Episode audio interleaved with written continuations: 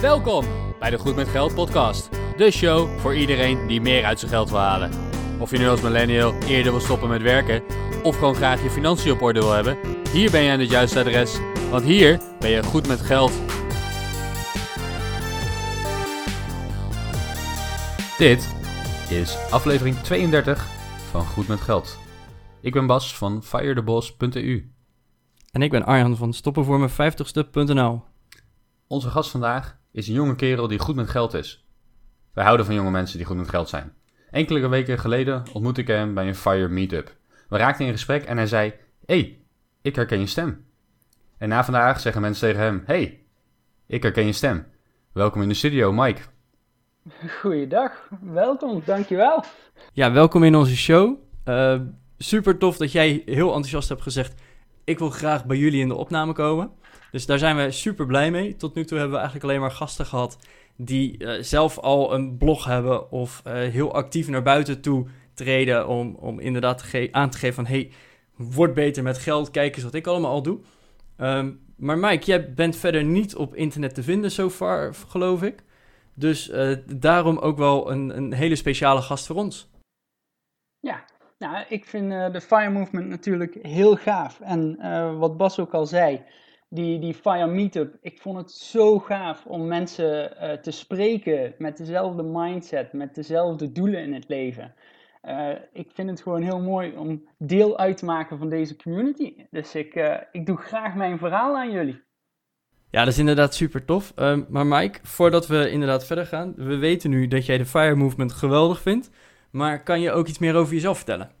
Nou, tuurlijk. Um, ik, ik ben Mike en ik ben pas eigenlijk een jaartje of drie serieus uh, op weg om financieel onafhankelijk te worden, financieel zelfredzaam te worden.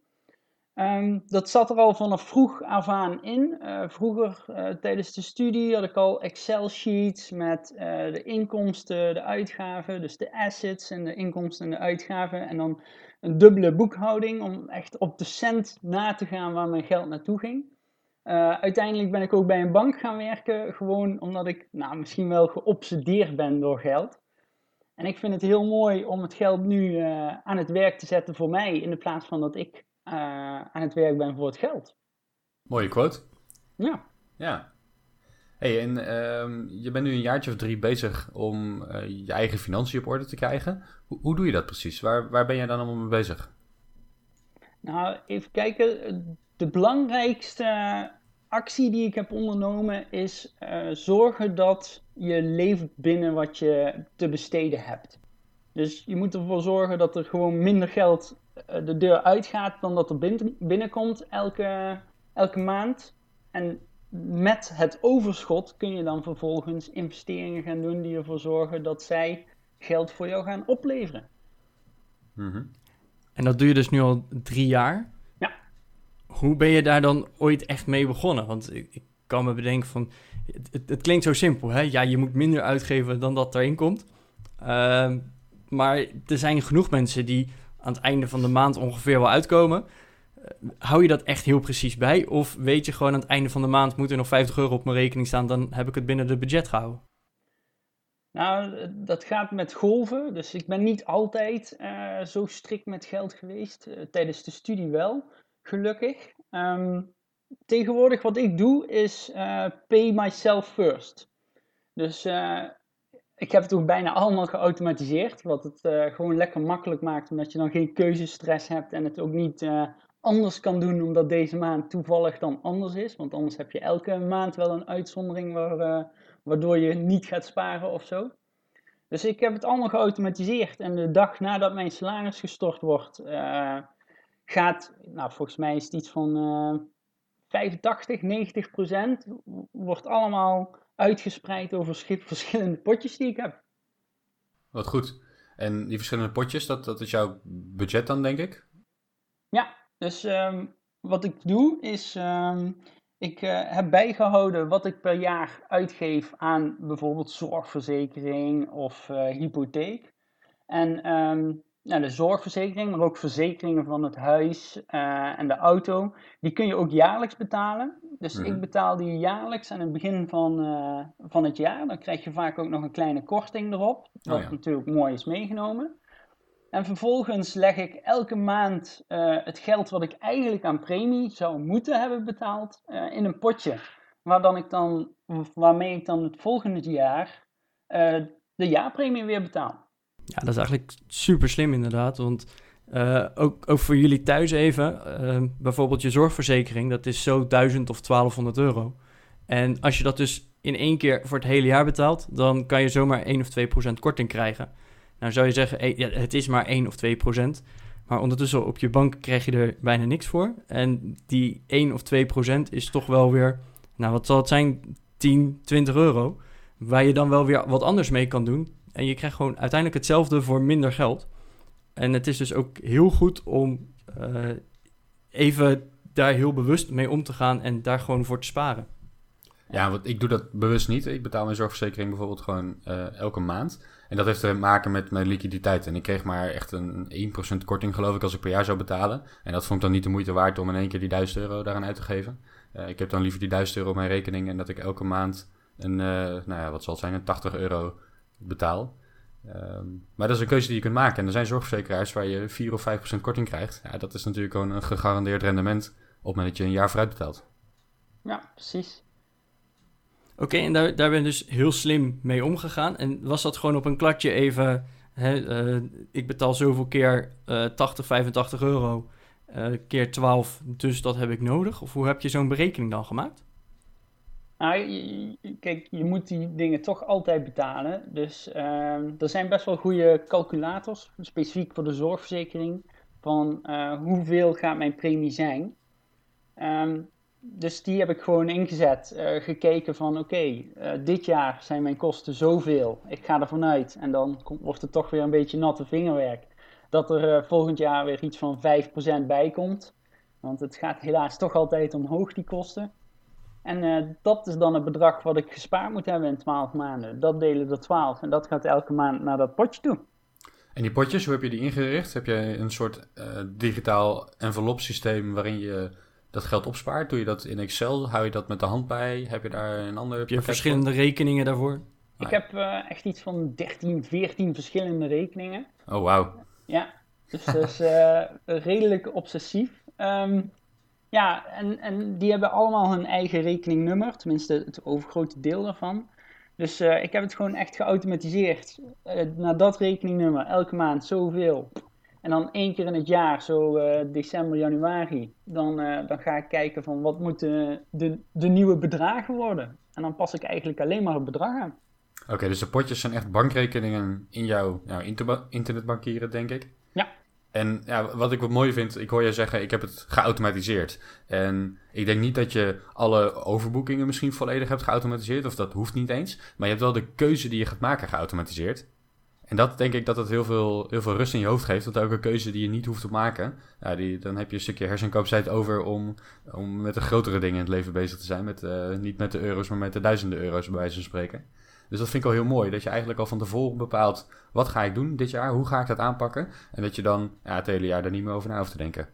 Ja, precies. En sterker nog, ik heb niet alleen de keuze geautomatiseerd, maar ook daadwerkelijk de overboeking. Dus eh, het, het is één dag in de maand dat ik me heel erg rijk voel, eventjes, want dan is mijn loon gestort. En de volgende dag is het eigenlijk allemaal weer weg. Maar dan weet je ook, het geld wat nog op de betaalrekening staat, dat is het geld wat ik echt vrij te besteden heb, waar ik eh, eh, mag doen mm, wat ik wil. Ja, leuk. Hey, en een van die rekeningen, is dat dan ook jouw beleggingsrekening? Of ben je juist heel erg bezig met het aflossen van je hypotheek? Of hoe, wat, wat is je strategie om vermogen op te bouwen dan? Ehm, ik heb ehm, meerdere beleggingsrekeningen zelfs. Ehm, dat is niet zo efficiënt qua kosten. Maar ik eh, ben nog heel erg aan het uittesten welke rekening past het beste bij mij.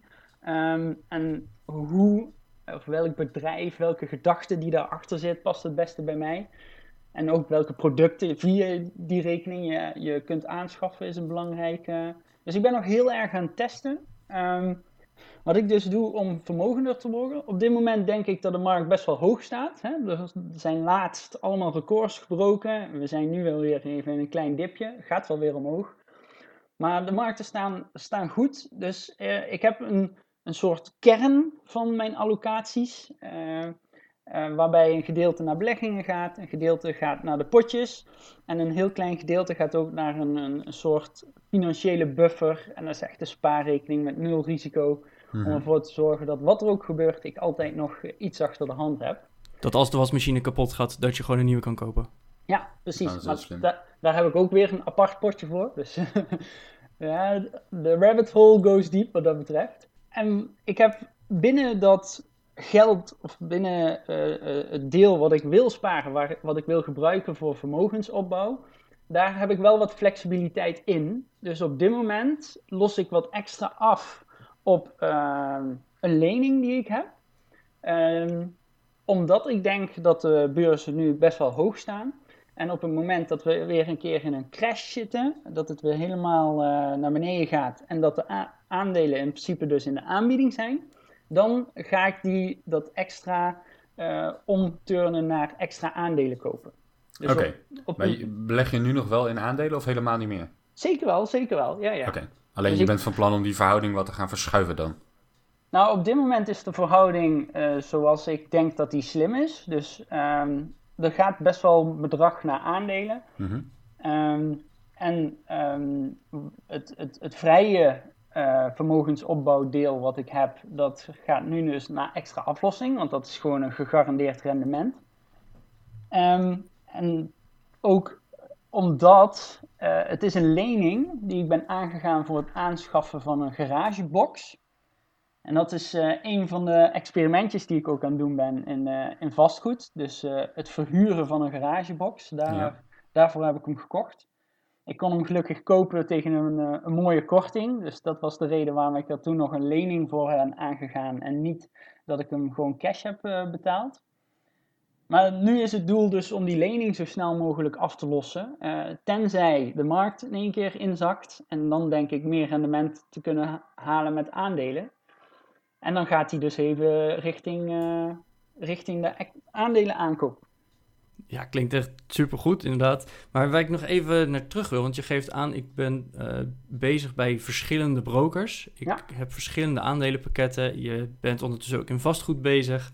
Ehm, en aan, aan de ene kant denk ik, oh, wat, wat supergoed. Want eigenlijk zoek je daarmee voor jezelf de optimale, eh, waar je ook gewoon je, je gelukkig bij voelt, neem ik aan.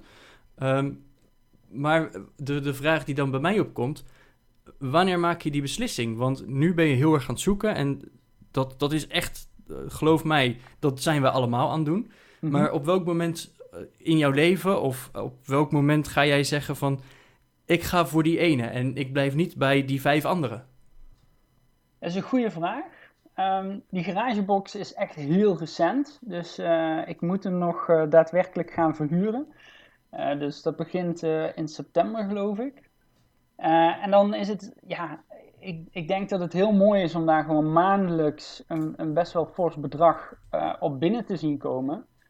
Ehm, maar ja, als je dat op de lange termijn zou uitsmeren eh, over beleggingen, dan kan het natuurlijk dat die beleggingen veel meer rendement maken. Dus eh, die, die garagebox is echt een, een tester. Eh, ik heb hem met korting kunnen kopen, dus dat was een mooi voordeel. Ik, hij is in een markt waarvan ik denk, daar kan ik hem ook wel weer vrij eenvoudig verkopen. Ze zijn in die buurt ook weer een hele nieuwe wijk uit de grond aan het stampen. En tegenwoordig worden daar toch minder parkeerplaatsen gemaakt dan dat vroeger het geval was. Dus eh, ik hoop dat dat ook nog iets leuks met de prijs gaat doen. Dus het is echt een test, een experiment. En, en ik heb me er een klein beetje op verkeken met wat er allemaal bij komt kijken met btw-nummers en btw-aangifte enzovoort enzovoort. Dus het valt me tot nu toe nog een beetje tegen, maar dat komt ook omdat ik er nog geen eh, rente, of nee rente, geen verhuurinkomsten tegenover heb staan. En eh, ja, ik wil eerst gewoon het resultaat van het experiment eh, afwachten en dan, eh, en dan ga ik die keuze maken. Oké, en dan, je geeft aan, je hebt ook nog bij verschillende brokers Ja. je, je aandelenpakketten. Ja. Ga je daar op dat moment dan ook die keuze in maken? Of komt die misschien al wat eerder of wat later? Of heb je misschien de keuze al een beetje gemaakt? Nou, ik ehm, heb die keuze al een beetje gemaakt. Dus ook daar is het meer eh, teentjes in het water, even kijken wat het is. Ehm, ik, wat ik heel vaak doe, eh, is ik gun mezelf een, een budget wat ik mag uh, verkwansen. Wat waarmee ik gewoon dingen mag uitproberen. Bas heeft ook zo'n speelpotje. Ja, precies. Dat speelpotje, dat is eh, mijn eh, crypto portefeuille. En dat speelpotje is een beetje een speelpot geworden. Dus daar ben ik druk mee bezig om dat weer wat kleiner te maken. Mooi, mooi. Maar eh, dus ik, ik maak een budget voor mezelf en ik denk van, nou, dit experiment mag mij maximaal zoveel gaan kosten. En dan eh, gedurende de looptijd van dat experiment kijk ik van, oké, wat kost het nou echt? En wat levert het het echt op? En dan als er eh, een positieve kosten-batenanalyse eh, uitkomt, dan gaan we kijken, oké, en hoe verhoudt het zich dan tot de potjes die we al hebben? Ah, dat vind ik wel heel slim, want eh, op, op die manier ben je heel experimenteel dus bezig met je geldzaken. Ja. Ehm, ja, dat, dat vind ik eigenlijk wel gaaf. Dat vind ik best wel een mooie, eh, een mooie strategie. Maar zijn het, zijn het significante bedragen? Je, je hoeft geen exacte bedragen te noemen hoor, maar allokeer je bijvoorbeeld 10% van jouw belegde vermogen voor dit soort experimenten? Of is dat 50%? Of hoe, hoe moeten we dat zien? Nee, dat zijn echt geen percentages. Ehm, dat zijn gewoon absolute bedragen. En dan denk ik van, dit wil ik, hè, met dit geld wil ik eh, gaan experimenteren. En dat, eh, dat kan dan een financiële meevaller zijn, of eh, een gedeelte van het vakantiegeld, of net wat. Ja, ja. En, en daarmee ga ik, dan, ga ik dan spelen, bij wijze van spreken. Zodat, het, zodat je het ook niet echt voelt op het moment dat, dat het fout gaat. ja. En, en ben je ook bereid om dat geld volledig te verliezen dan? Ja, dus eh, mentaal eh, neem ik al afscheid van het eh, geld zodra ik het budget apart zet. Ja. En dat, dat is eigenlijk ook wel een van, van de krachten die je moet hebben als je, als je echt wil gaan investeren voor de lange termijn. Op het moment dat die beurs naar beneden gaat, dan moet je gewoon al mentaal afscheid hebben genomen van dat geld. En Ja. er vertrouwen in hebben dat het uiteindelijk toch de goede beslissing is geweest. Absoluut. Ja, daar ben ik het wel, eh, daar ben ik het mee eens. En ik zie dat in mijn eigen beleggingen ook. Eh, Ik heb best wel wat ehm, op de beurs ook belegd inmiddels in aandelen. Ja, en dat, dat kan heel volatiel zijn. Dus die aandelenkoersen die kunnen omhoog schieten, en die kunnen ook heel hard omlaag schieten. Ja, en dan moet je wel beseffen dat dat tijdelijk is en dat die beweging normaal is dat die erbij hoort. En dat je niet in paniek gaat verkopen op het moment dat het bloed door de straten loopt. Dat is het slechtste wat je kunt doen. Dat is echt het allerslechtste inderdaad wat je kunt doen. Hey, ik zou even terug willen naar die garagebox. Want ehm, nee, laat ik toch even wat egoïstisch zijn hier. Want het is tenslotte eh, mijn podcast, samen met Arjen natuurlijk. Dus, eh, en ik ben heel erg geïnteresseerd in die, in die garagebox. Hoe je dat precies hebt aangepakt. En, en wat ongeveer je verwachte rendement is. Want ik heb er ook wel eens naar zitten kijken. En dan zit je op Funda een beetje te loeren. Bij mij in de buurt eh staan er wat garageboxen te koop. Nou ja, die staan te koop. Maar het meeste wat ik online zie staan, daar wordt dan 25.000 euro voor gevraagd. Dat is een beetje de gangbare prijs voor een gemiddelde box bij ons in de buurt. En als ik dan kijk van waar kan ik die voor verhuren, nou dan kom ik op een eurotje of 100 in de maand uit. Ja, dat, dat rendement is dan niet echt om over naar huis te schrijven. Hoe, hoe zit dat bij jou? Nou, eh, wij wonen volgens mij ongeveer in dezelfde buurt. Dus die eh, getallen eh, zijn bij mij precies hetzelfde. Ik hoop hem wel voor iets meer dan eh, 100 euro te kunnen verhuren. Omdat de ligging heel gunstig is. En eh, dus vanwege die wijk die eh, nog uit de grond gestampt gaat worden, eh, die letterlijk 200 meter verderop ligt. Dus ik hoop dat dat wat gaat doen met de prijs die ik ervoor betaald heb. Mhm. Ehm, en wat betreft die inkomsten, mij lijkt het gewoon heel gaaf om, nou, we beginnen dus nu met een lening om hem te be- kunnen betalen, om die lening af te lossen met geld van andere mensen en vervolgens eh, het geld wat nog binnenkomt zelf te gaan beleggen. Ja, En ik, ik denk dat dat eh, meer iets mentaals is. Eh, het feit dat je gewoon elke maand, want 100 euro, of, of ik hoop iets meer, is, is toch best een leuk bedrag om elke maand gewoon gestort te krijgen. ja, en om dan elke maand dat gevoel te hebben van yes, we hebben weer wat binnen. Yes, we hebben weer wat binnen. Ik denk dat dat heel erg eh, chill gaat zijn. Ja, nee, dat, dat denk ik ook. En wat mij heel erg trekt in die vastgoedmarkt is inderdaad dat die stabiele cashflow die eruit komt. Ja. Op de lange termijn verwacht ik heel veel vermogen te kunnen opbouwen met mijn aandelenbeleggingen. Eh, daarnaast ben ik hier en daar wat aan het experimenteren met andere soorten investeringen. Ehm, maar vastgoed trekt mij ook heel erg, gewoon vanwege de stabiliteit van het inkomen dat eruit komt. Juist omdat het hopelijk de volatiliteit van de aandelen een beetje kan dempen. Hè, dat ook in momenten waarop het slecht gaat op de beurs, dat je aandelenportefeuille minder waard wordt, dat je toch gewoon elke maand de huur blijft ontvangen. En ja, als het echt slecht gaat met de economie, zullen de huren wat minder worden waarschijnlijk. Maar die zijn een stukje stabieler dan aandelenkoersen. En dat trekt mij heel erg. Dus ja, ontzettend gaaf dat je dit experiment aangaat. En dat is Ik heb er ook inderdaad wel eens naar zo'n zo'n garagebox zitten kijken. Want het, het voordeel bij een garagebox is, is dat ze relatief goedkoop zijn. Eh, en dat je ook, eh, het onderhoud is veel lager dan bijvoorbeeld eh, bij een appartement of een woning die je gaat verhuren. Je hebt geen huurdersbescherming. Je hebt geen huurdersbescherming, er hoeft geen mooie keuken in om het überhaupt te kunnen verhuren. De onderhoudskosten zijn relatief laag. Dus dat maakt het inderdaad wel heel interessant. Maar aan de andere kant ben ik dan ook wel weer bang als de economie echt instort en mensen gaan bezuinigen, dat de garagebox een van de eerste dingen is die inderdaad de deur uitgaat. Ja. Eh, maar goed, dat, dat zijn voor- en nadelen die je inderdaad lekker kan overwegen. En een, een garagebox op zich, ze zijn, wat ik zei, ze zijn relatief goedkoop. Dus ik denk dat het zeker gewoon een hele leuk, leuk probeersel is om, eh, om te kijken. En als het niks is, dan kom je er ook wel weer een keer vanaf. Ja, zeker. En, en eh, wat ik heel mooi vind aan een garagebox, want ik, heb, eh, ik ben van nature heel risico-avers. Dus ehm, een garagebox zijn eigenlijk niks meer dan, eh, dan drie muren en een deur. En dan zit er nog een dak op vooruit. Dus ze kunnen er ook heel weinig aan kapot maken. En eh, op het moment dat het heel slecht gaat met de economie, eh, zul je zien dat mensen als luxe product de garagebox in de band zullen doen. Maar er zullen dan ook mensen zijn die op zoek zijn naar goedkope plek om hun spulletjes op te slaan. Omdat ze, weet ik veel, in het ergste geval uit hun huis zijn gezet of eh, zijn gaan samenwonen en ze hebben dingen over. Ja, of gewoon kleiner gaan wonen om te bezuinigen. Ja, precies. Ja, ik Ja, ben wel benieuwd. Eh, Heb je, heb je onderzoek gedaan naar de historie van het rendement op garageboxen? Eh, Gaat de rabbit hole echt zo diep dat je daar ook naar hebt gekeken? Naar hoe dat door de verschillende crisissen in, eh, in de geschiedenis is gegaan? Nee. En ik denk dat dat ook ehm, verstandig is geweest, omdat ik anders het experiment waarschijnlijk niet zou zijn aangegaan. Ja, ja, ja. Dus eh, eh, dit was echt een, eh een impulsaankoop. Nou, een impulsaankoop. Ik liep al anderhalf jaar met de gedachte van ik zou heel graag hier in de buurt een garagebox willen kopen. Maar de prijs was altijd te hoog. Eigenlijk Mhm. wat jij ook al zei met die 25.000 euro. En dan ja, kun je er net eh 100 of iets meer voor, voor krijgen. Ja. Dus eh, het was eigenlijk een beetje een impulsaankoop omdat ik hem voor een mooi prijsje mee kon nemen. Nou ja, ja. Nou, tof. Ik ben heel benieuwd naar hoe het gaat. Ehm, ik zal je binnenkort nog wel eens een vraag stellen van hoe, eh, hoe zit het daar nou mee? Ik ben eh, oprecht geïnteresseerd. Ja, en ik denk daarmee ook al onze luisteraars. Dus misschien dat we het zelfs nog wel eens een keer in de podcast eh, gooien. Met daarmee wel het risico dat opeens alle garageboxen uitverkocht zijn. Nou, dat is weer goed voor de waarde van jouw garagebox, eh, Mike. Dus dat, Precies, eh, ik ja, heb hem al. wel- Gewoon lekker doen. Gewoon lekker doen. Perfect.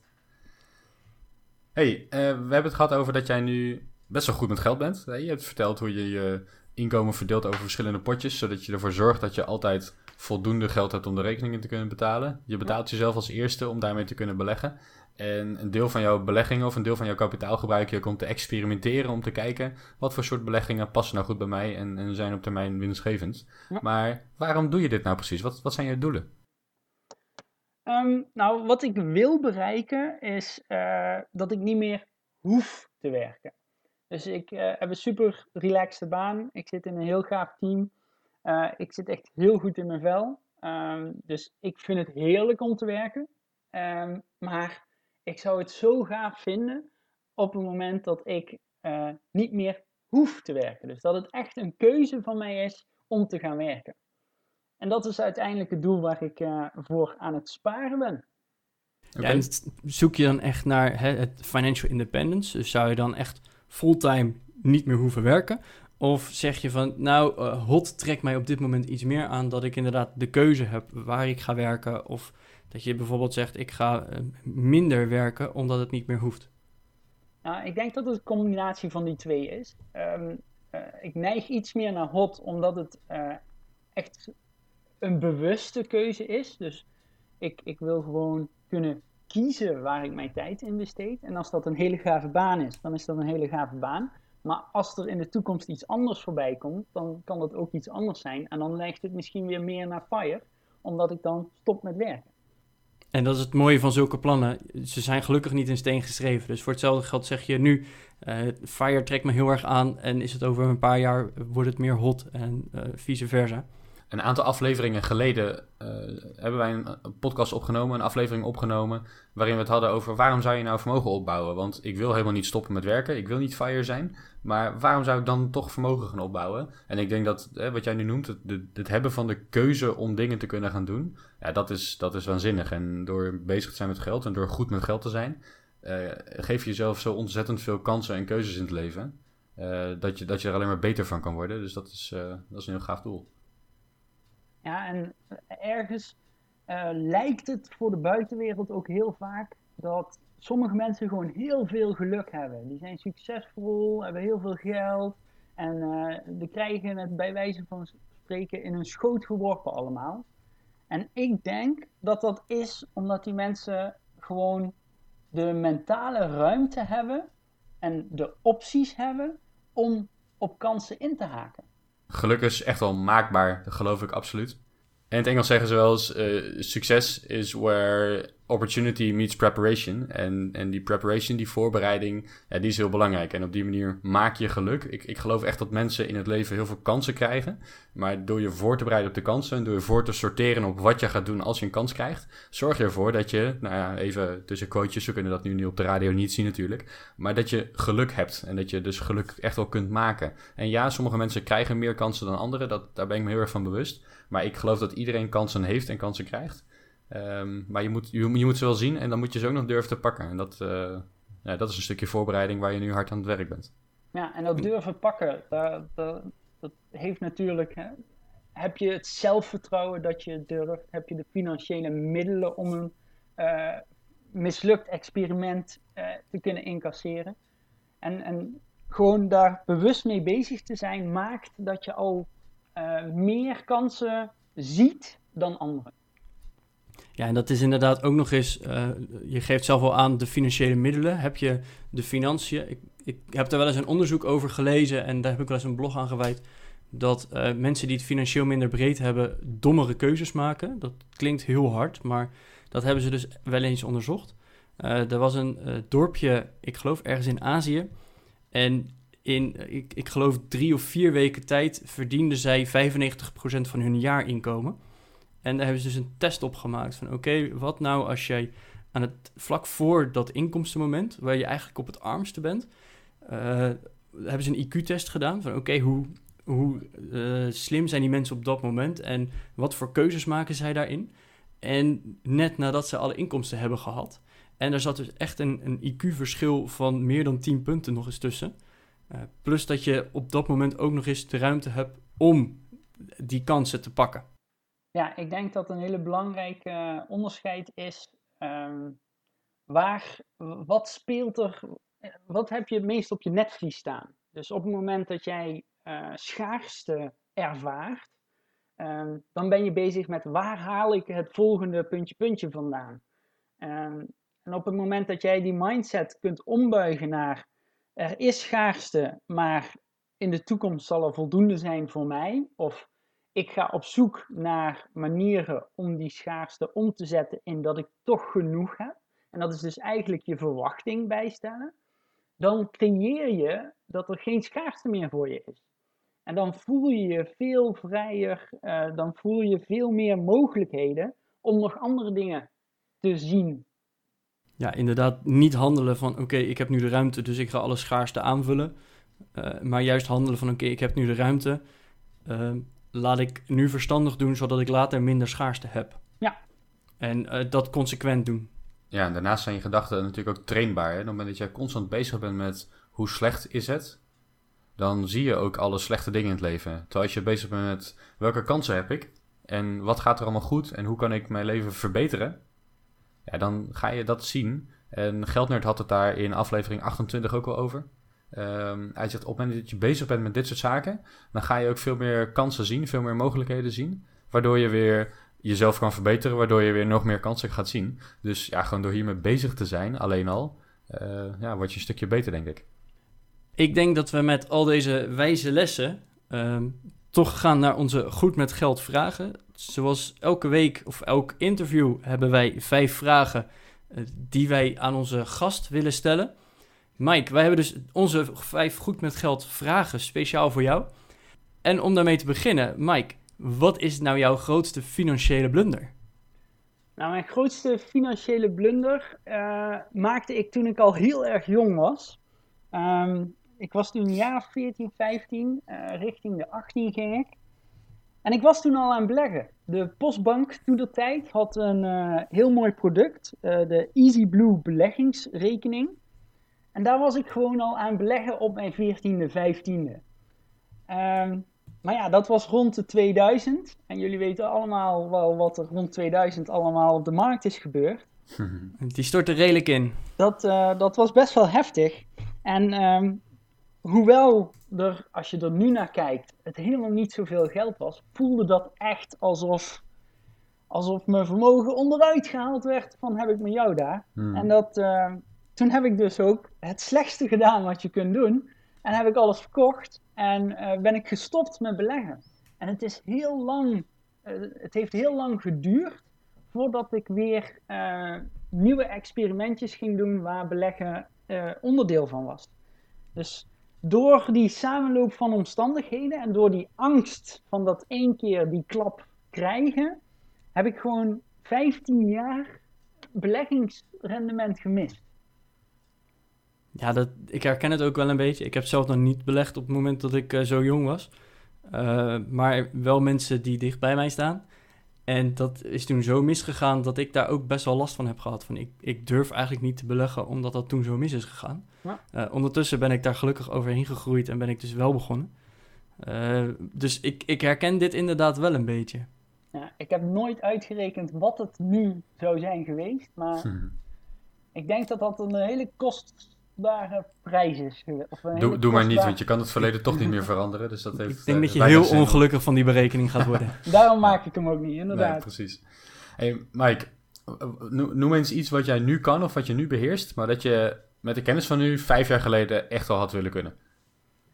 Nou, klinkt misschien heel vreemd, maar um, wat ik nu kan en wat ik vijf jaar geleden niet kon, is mezelf zijn.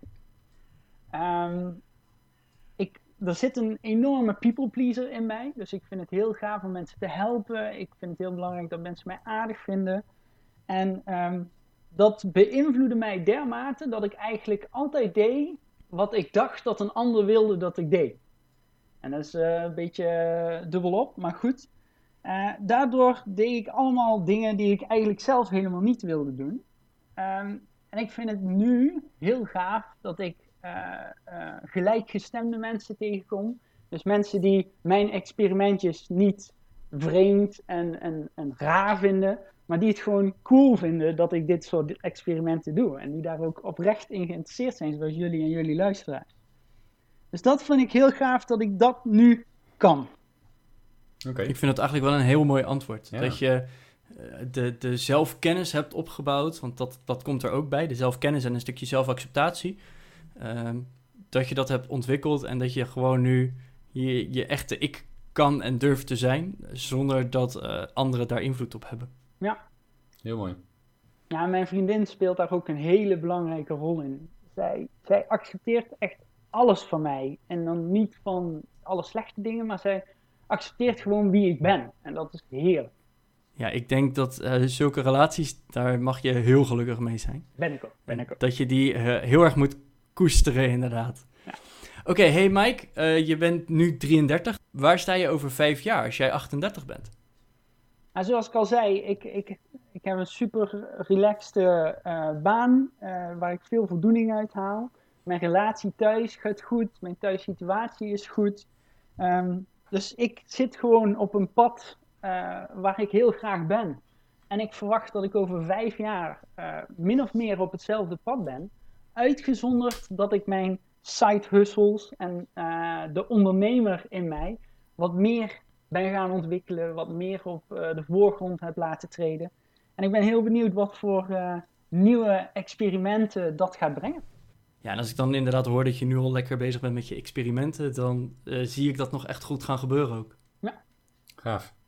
Hey, welke bron van informatie, en dan kan je denken aan boeken, YouTube-kanalen, podcasts, eh, blogs, noem het maar op. Welke, welke informatiebron die jij graag eh, gebruikt, zouden onze luisteraars ook moeten kennen? Nou, ik, eh, ik heb van elk medium eentje. Wauw. dus, dus het wordt een mooi lijstje. En ik heb ze ook in, in chronologische volgorde dat ik ze ben tegengekomen. Ehm, dus het eerste wat, wat ik zou willen delen is het boek Think and Grow Rich. Het is een heel oud boek, eh, maar daar staat zoveel wijsheid in, die eigenlijk van deze tijd ook gewoon nog is. Is dat Napoleon Hill die dat heeft geschreven? Ja, precies. En, en het is heel leuk geschreven en het, het, het laat je gewoon heel veel inzichten zien in de menselijke kant van dingen. Dan heb ik eh, als blog de stokseries van J.L. Collins. Ehm, die heeft één post, eh, The Next Big eh, Recession is Coming. Mhm. Ehm, en die heeft echt wel mijn ogen geopend en mij ook over eh, die angst van het verliezen van je belegd vermogen heen geholpen. Wat, wat hij daarin zegt is eigenlijk van, er komt een recessie aan, er komt een dip in de aandelenprijs aan, deal with it. Hè, het gaat gebeuren, maar weet dat op de lange termijn het eigenlijk altijd weer goed komt. Het is goed zoals het gaat, ja. Ja, precies. En, en ook die, die mindshift van ehm, op het moment dat aandelen laag staan, in de plaats van denken van jeetje, ik ben 10, 20, 25 procent van mijn vermogen verloren, kun je ook denken, hey, dit is een enorme uitverkoop van de aandelen. Extra aankopen. Ja, En dat heb ik toevallig eh, eind vorig jaar. Toen heeft de beurs ook een flinke tik gehad. Toen heb ik voor mezelf een soort mentale grens gesteld van nou, alles wat hij gaat verliezen, ga ik weer compenseren door extra inleg. Nou, en daar heb ik in januari natuurlijk een mooi rendement op gemaakt. daar heb je veel profijt van gehad achteraf gezien. Ja. Ja. En dan eh, is eh, de YouTube-kanaal wat ik zou eh, eh, gaan volgen, is TEDx. Dus eh, zoals jullie al mee hebben gekregen in deze podcast, ik ben enorm fan van experimenteren. Mhm. Eh, dat betekent dat ik dus ook heel open ben voor nieuwe ideeën. En wat ik zo gaaf vind aan TEDx Talks, is dat het eigenlijk altijd één heel krachtig idee is. En vaak op een hele mooie, eh, professionele manier gebracht. En als je dan elke dag even open staat voor één nieuw idee, dan heb ik het idee dat je de rest van de dag veel meer open staat voor ideeën van andere mensen in je omgeving. Dus dat vond ik een hele mooie. Wat is jouw favoriete TEDx-talk? Wat een hele gave was, is eh, Rich Dad Poor Dad. Oké, Van Robert Kiyosaki. Ja, die, eh, die heeft best wel impact op mij gemaakt. Toen ja, dat tijd. snap ik. Ja. Dus dat, eh, dat is een heel mooi kanaal. En qua podcast, nou, naast jullie podcast natuurlijk, ben ik eh, heel erg fan van Choose FI. Dat zijn eh, twee gasten uit Amerika. En eh, die zijn al best wel lang bezig. Die hebben ook al best wel veel podcasts opgeleverd. En wat, wat ik heel mooi vind om in hun podcast terug te zien, is dat zij op zoek zijn om elke dag of elke week in ieder geval een klein beetje beter te worden. Dus zij blijven op zoek gaan van, nou oké, wat kan ik doen om dit proces of om mezelf nog net iets verder te optimaliseren, nog net iets verder ehm, beter te worden. Is de aggregation of marginal gains. Die ja, Ja, perfect. ja. Want je kan proberen om ergens eh, twee keer zo goed in te worden. En dat, eh, dat lukt soms, maar dat is heel moeilijk. En hun Ja. filosofie is juist dat je elke dag moet proberen om ergens 1% beter in te worden. En over tijd zal dat ervoor zorgen dat je enorme sprongen vooruit maakt. Ja, het is beter om elke keer een klein beetje beter te worden, dan om eh, op te zien tegen die berg om te verdubbelen. eh, Ja. omdat dat in één keer gewoon niet kan. Ja, en deze filosofie komt uit de, uit de topsport, uit de wielrennerij geloof ik, waarin eh, een, een wielrencoach ooit kwam met het idee inderdaad van alles wat wij doen moeten we 1% beter gaan doen. Dus op elke training gaan we focussen om één onderwerp van onze sport 1% beter te maken. Ehm, en dat, dat zorgt op de lange termijn echt voor, voor enorme verbeteringen. Heel gaaf. hey, dat Ja, nou, brengt ik- ons denk ik bij de laatste vraag van de Goed met Geld vragen. Mhm. Wat is jouw advies aan millennials, aan soortgenoten, om het even zo te zeggen, om ook goed met geld te worden? Nou, mijn advies zou zijn: ehm, de toekomst is onzeker. Eh, en niemand kan de toekomst voorspellen. Dus wat je maar het beste kan doen, is dat je mogelijkheden voor jezelf creëert. En eh, dat zijn mogelijkheden in de vorm van dat je jezelf skills aanleert die je kunt gebruiken in de toekomst. Eh, maar ook dat je bewust bezig bent met je financiën. Dus dat je financieel zelfredzaam bent.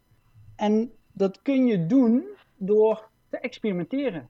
Hè, wat, wat, deze podcast toch al, veel is teruggekomen. Experimenteren, dat heeft het voordeel dat je open staat voor nieuwe ideeën. Dat je eh, de dialoog met mensen aangaat. Ehm, want op het moment dat jij een experiment aan het doen bent, eh, hou je dat natuurlijk niet voor jezelf. Dan ga je eh, kijken van, ben ik goed bezig? Hoe kan het beter? En die dialoog zorgt er ook voor dat eh, ja, bijvoorbeeld taboes rondom geld en rondom beleggingen en foute keuzes, dat die doorbroken worden. Zodat mensen gewoon echt beter worden met hunzelf en met geld. En dat vind ik gewoon heel gaaf. Dus dat zou mijn advies zijn. En waar ik dan nog even op aan wil haken. Zoals altijd bereiden wij deze aflevering voor. En eh, Mike, jij gaf ook nog eens aan, en dat vind ik eigenlijk ook nog wel passen bij deze mogelijkheden. Is dat je aangaf van. Er, er, er heerst zo'n taboe op geld. Er heerst zo'n aarzeling en taboe om het over geld te hebben. En zeker met vreemden en mensen die er eh, misschien minder of juist meer verstand van hebben. En dat vond ik eigenlijk nog een mooie waar ik nog toch nog even op terug wil komen.